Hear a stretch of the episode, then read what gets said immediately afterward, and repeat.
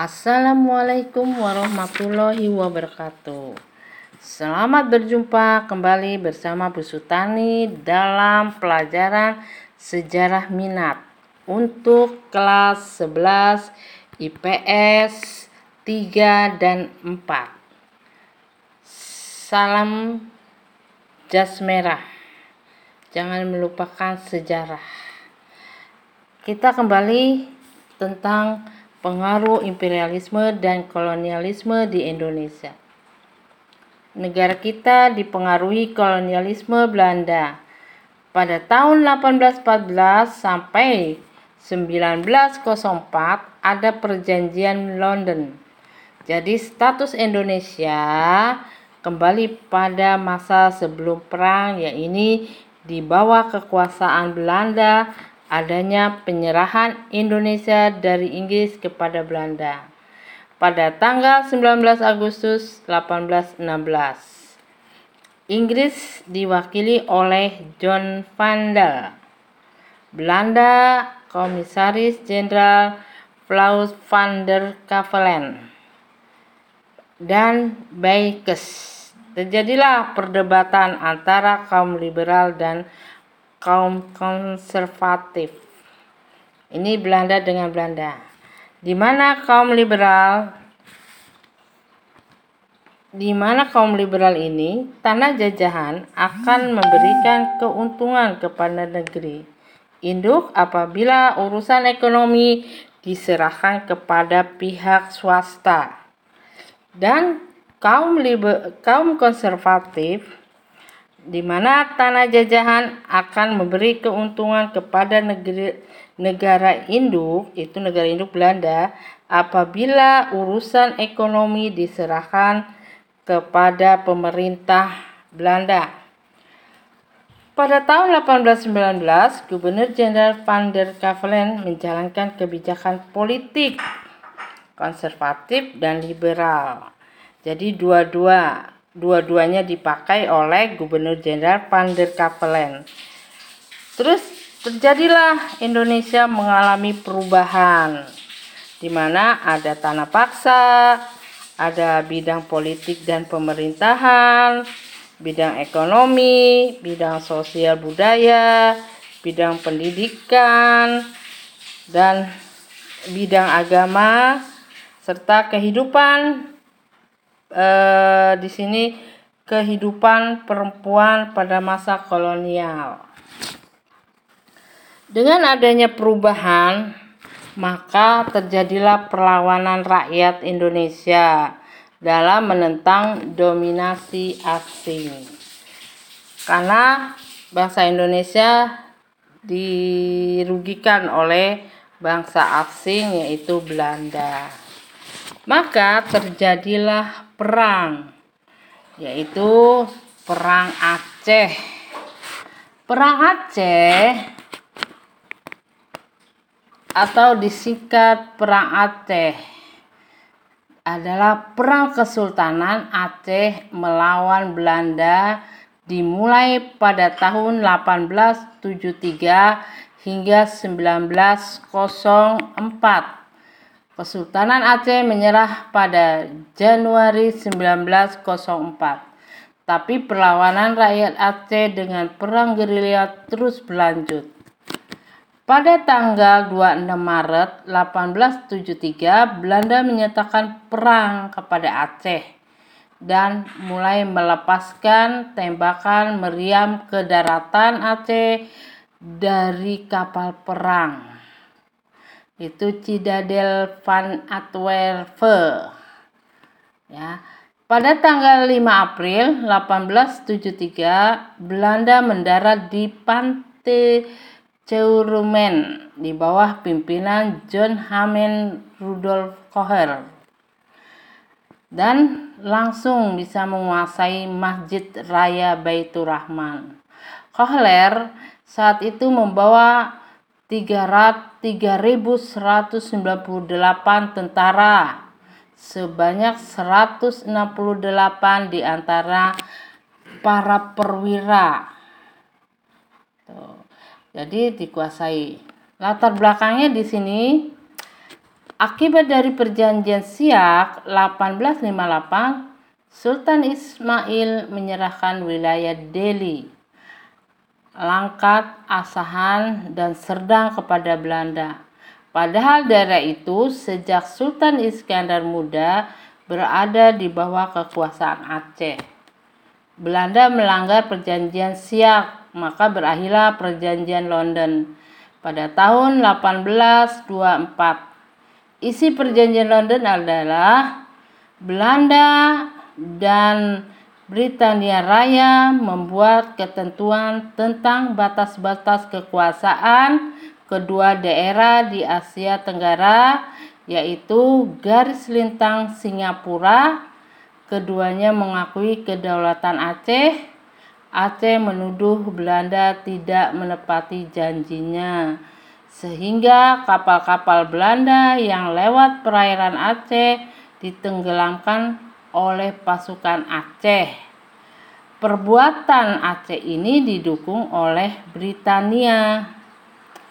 Dengan dibukanya terusan Swiss oleh Ferdinand de Lesseps menyebabkan perairan Aceh menjadi sangat penting untuk lalu lintas perdagangan ditandatanganinya perjanjian London 1871 di antara Inggris dan Belanda yang isinya Britania memberikan kekuasaan kepada Belanda untuk mengambil tindakan di Aceh.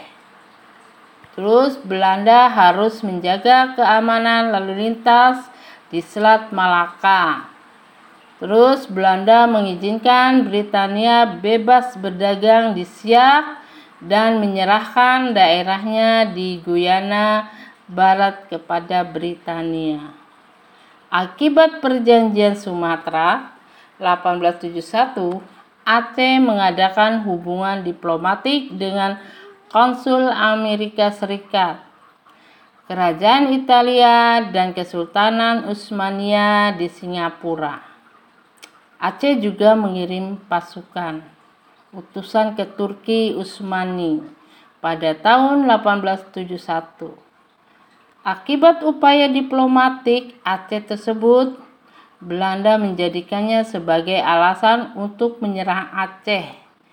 Wakil Presiden Dewan Hindia Frederick Nicholas dengan dua kapal perangnya datang ke Aceh dan meminta keterangan dari Sultan Mahmud Shah tentang apa yang sudah dibicarakan di Singapura, tetapi Sultan Mahmud menolak untuk memberikan keterangan. Terus Perang Aceh pertama 1873 1874 dipimpin Panglima Polim dan Sultan Mahmud Shah melawan Belanda yang dipimpin Kohler dengan 3000 serdadunya dapat dipatahkan di mana Kohler sendiri tewas pada tanggal 14 April 1873.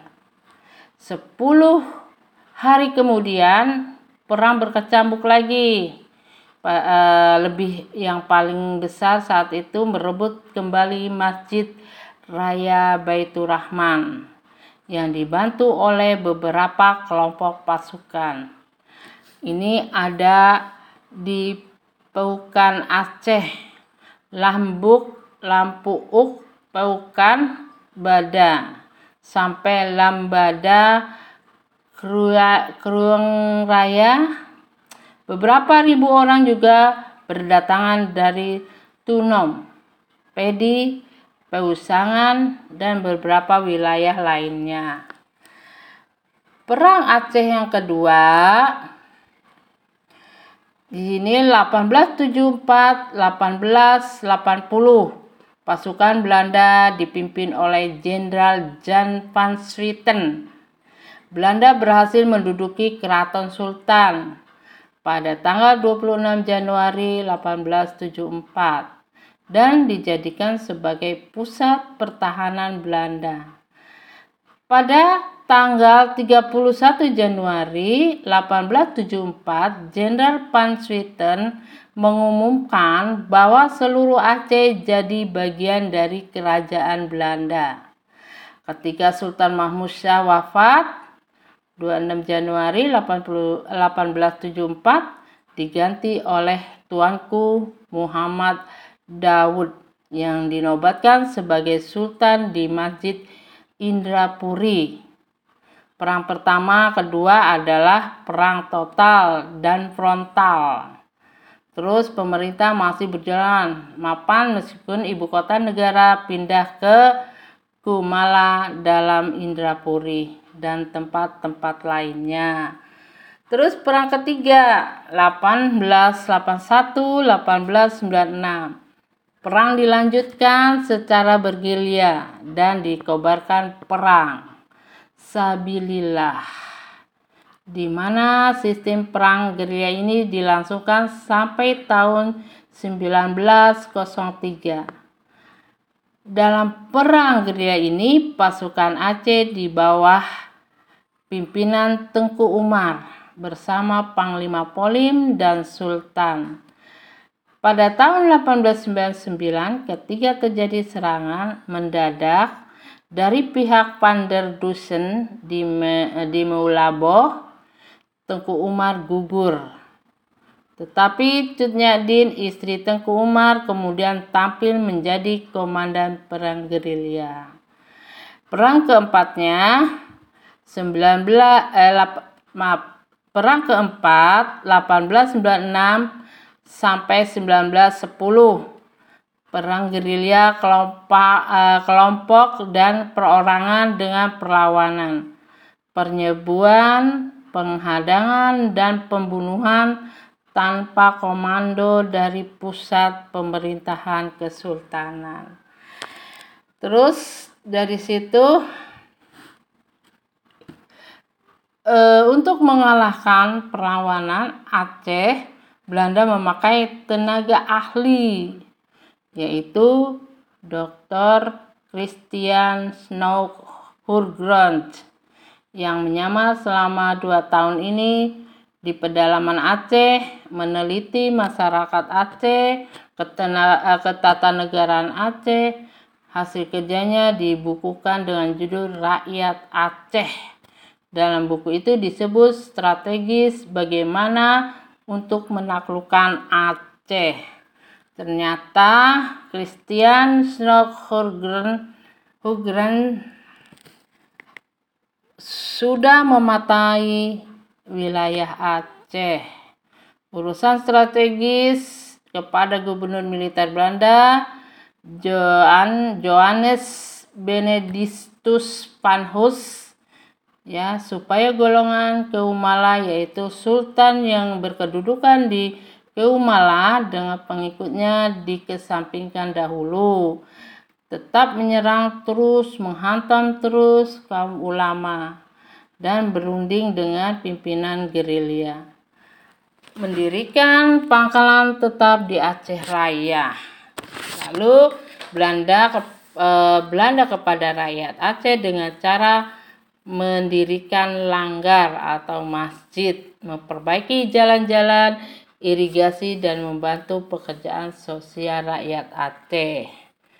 Ternyata siasat Dr. Snockhorgen ini diterima oleh Van Hulst yang menjadi gubernur militer dan sipil di Aceh. Kemudian Dr. Snockhorgen diangkat sebagai penasehat. Itu taktik perang untuk menjatuhkan rakyat Aceh. Nah, dari situ langsung uh, gerilya Aceh ditiru oleh bangsa Belanda dan pasukan koloni macan yang telah mampu dalam menguasai pegunungan, hutan rimba, dan mencari mengejar gerilya-gerilya Aceh. Akhirnya, taktik selanjutnya pembersihan dengan cara membunuh rakyat Aceh. Nah, di situlah eh, taktik terakhir menangkap Cut Nyadin, istri Tengku Umar, melakukan perlawanan secara gerilya di mana akhirnya Cut Nyadin dapat ditangkap dan diasingkan ke Sumedang. Nah, di situlah Aceh mengalami kekalahan. Terus kita lanjut dengan perang di Penogoro. Ya, tadi Aceh, kita lanjut perang di Penogoro.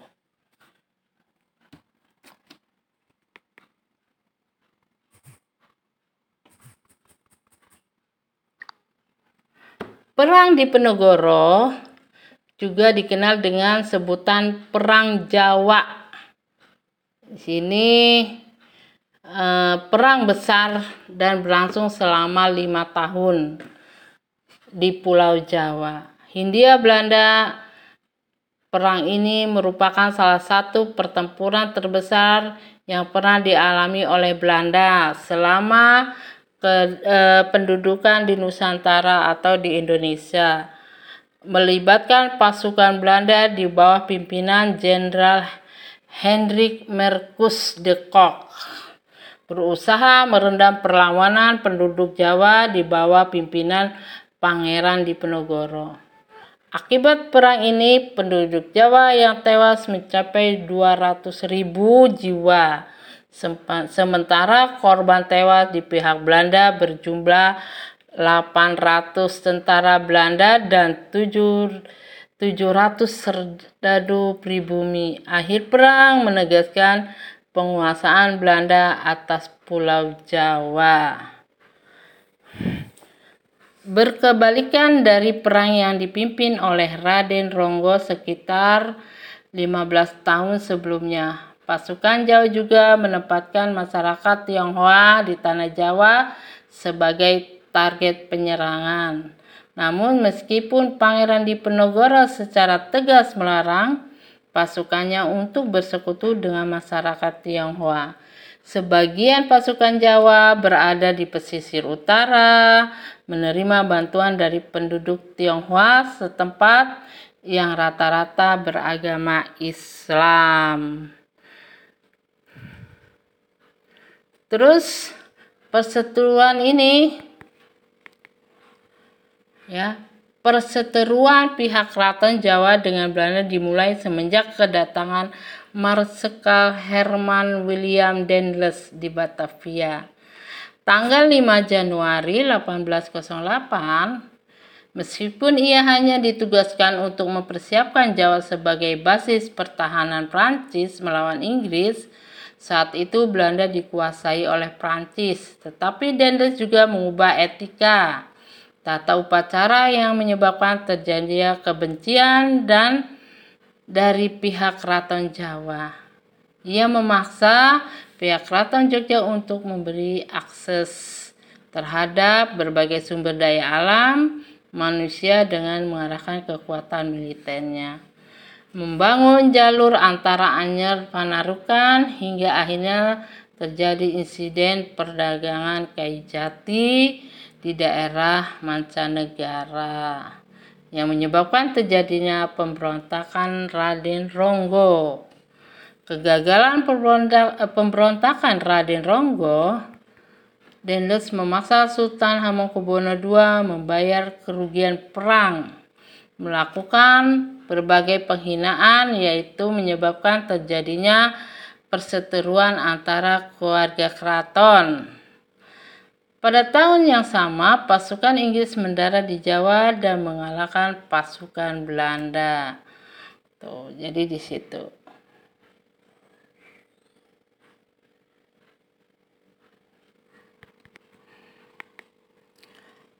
Perang di Penegoro pada pengikutnya, perang ini merupakan perang jihad melawan Belanda dan orang Jawa murtad. Sebagai seorang muslim yang saleh di Penegoro merasa tidak senang terhadap religius yang di yang kendur di Istana Jogja akibat pengaruh masuknya Belanda.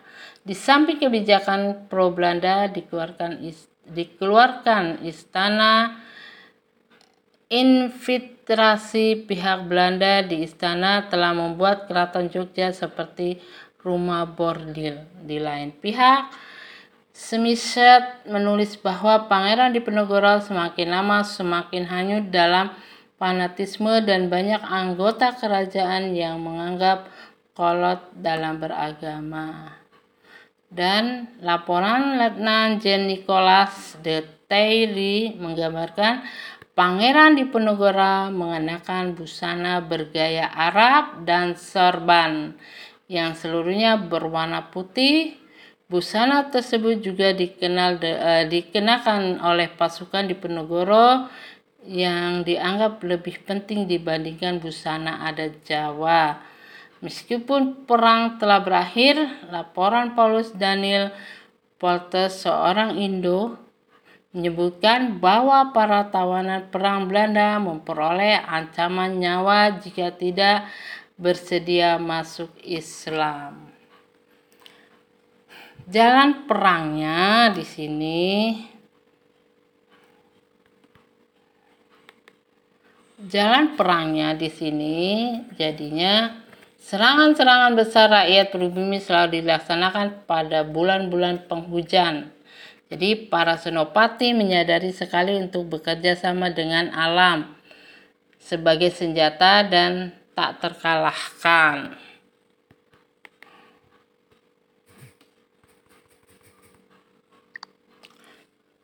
Musim penghujan, di sini bila musim penghujan tiba, gubernur Belanda akan melakukan usaha untuk genjatan senjata dan berunding karena hujan tropis yang deras membuat gerakan pasukan mereka terhambat. Terus pada tahun 18 di sini 1827 Belanda melakukan penyerangan terhadap di Penegoro dengan menggunakan sistem benteng sehingga pasukan di Penegoro terjepit pada tahun 1829. Kiai Mojo, pemimpin spiritual pemberontakan ditangkap. Menyusul kemudian Pangeran Makubumi dan Panglima Utama Ali Basah Sentot menyerah kepada Belanda. Akhirnya pada tanggal 28 Maret 1830, Jenderal de Kock berhasil menjepit pasukan di Penegoro di Magelang. Di sana Pangeran Diponegoro menyatakan bersedia menyerah dengan syarat sisa anggota laskarnya dilepaskan. Oleh karena itu, Pangeran Diponegoro ditangkap dan diasingkan ke Manado.